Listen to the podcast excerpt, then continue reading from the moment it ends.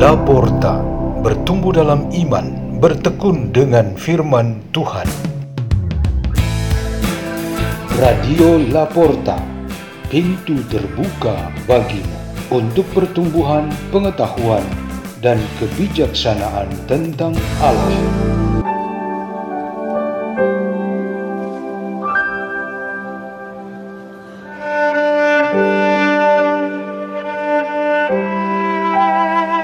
Bacaan dan Renungan Sabda Tuhan Hari Jumat Pekan ke-20 Masa Biasa 19 Agustus 2022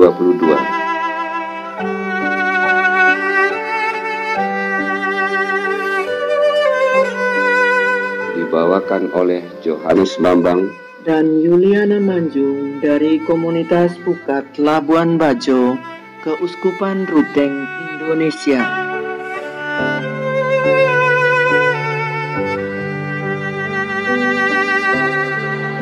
Inilah Injil suci menurut Matius.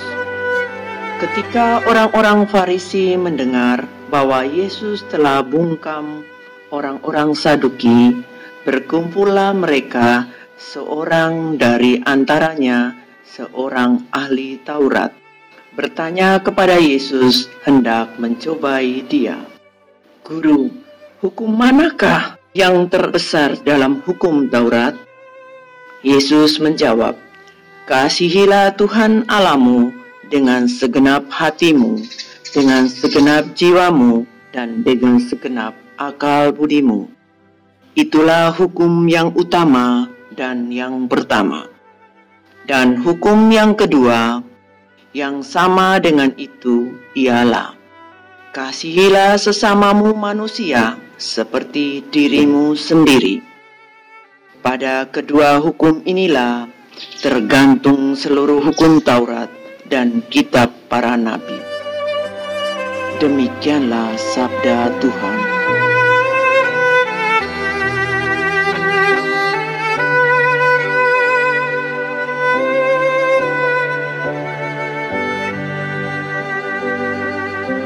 Tema renungan kita pada hari ini ialah rahasia cinta. Ada pasangan muda-mudi sudah tiga tahun berpacaran dan mereka merahasiakan ini. Orang-orang sempat sekali atau dua kali melihat mereka berdua, tetapi mereka tidak tahu bahwa keduanya berpacaran. Bagi keduanya, strategi menjaga rahasia berhasil.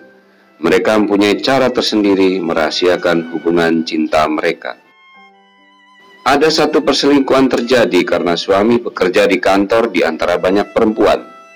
Istri dan anaknya di rumah tidak menemui tanda perselingkuhan itu. Padahal suami sudah mempunyai relasi terlalu dalam dengan satu dan dua wanita. Bertahun-tahun hubungan terlalang itu dibungkus rapat dan baunya tidak tercium. Mereka berhasil dengan strategi rahasianya Dua contoh cerita itu menunjukkan bagaimana cinta dipahami secara berbeda-beda dari satu orang ke orang yang lain. Cinta sering dimaknai dalam konteks hubungan pria dan wanita, dan hal yang tentang rahasia cinta juga selalu berkaitan dengan jalinan hubungan cinta laki-laki dan perempuan. Padahal sebenarnya makna cinta yang lebih luas pasti menghadirkan pemahaman yang lebih berbeda.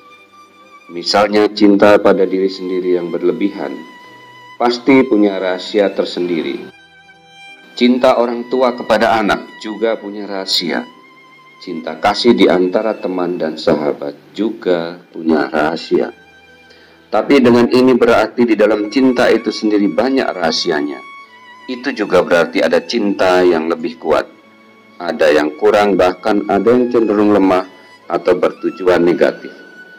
Jadi pertanyaannya, rahasia cinta seperti apa yang harus menjadi standar bagi setiap manusia? Sehingga misalnya dalam penghayatan cinta seseorang tidak bahagia dengan cinta itu, ia harus mencari yang ideal. Jawabannya ialah rahasia cinta yang ideal hanya diberikan Tuhan karena ia memiliki dan dialah sumbernya. Kalau pada manusia ada rahasia dalam bercinta karena sedang terjadi atau berlangsung sesuatu yang kurang pas, sehingga perlu disembunyikan, dirahasiakan. Bagi Tuhan, cinta terungkap dalam kata dan perbuatan yang benar dan baik, sehingga harus diwujudkan dan tampak kepada dunia sekitarnya. Tak ada yang disembunyikan atau dirahasiakan cinta kasih yang sejati. Rahasia cinta Tuhan sebenarnya bukan terletak pada kerahasiaannya, tetapi pada inti dan ungkapannya, Tuhan telah menunjukkan dan mengajarkan kita bahwa rahasia cintanya ialah sebuah pemberian diri sendiri bagi kebaikan sesama. Yesus Kristus adalah contoh sempurna bagi kita. Tinggal saja kita teladani dan menikmati sendiri rahasia cinta Allah ini. Marilah kita berdoa. Dalam nama Bapa dan Putra dan Roh Kudus.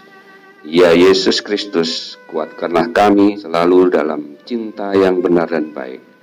Terima kasih banyak atas karena cinta ini yang mengalir tanpa henti darimu dan mampukan kami selalu untuk menjalankannya. Kemuliaan kepada Bapa, Putra, dan Roh Kudus seperti pada permulaan, sekarang, dan selalu, dan sepanjang segala masa. Amin. Dalam nama Bapa dan Putra dan Roh Kudus. Radio Laporta, pintu terbuka bagimu.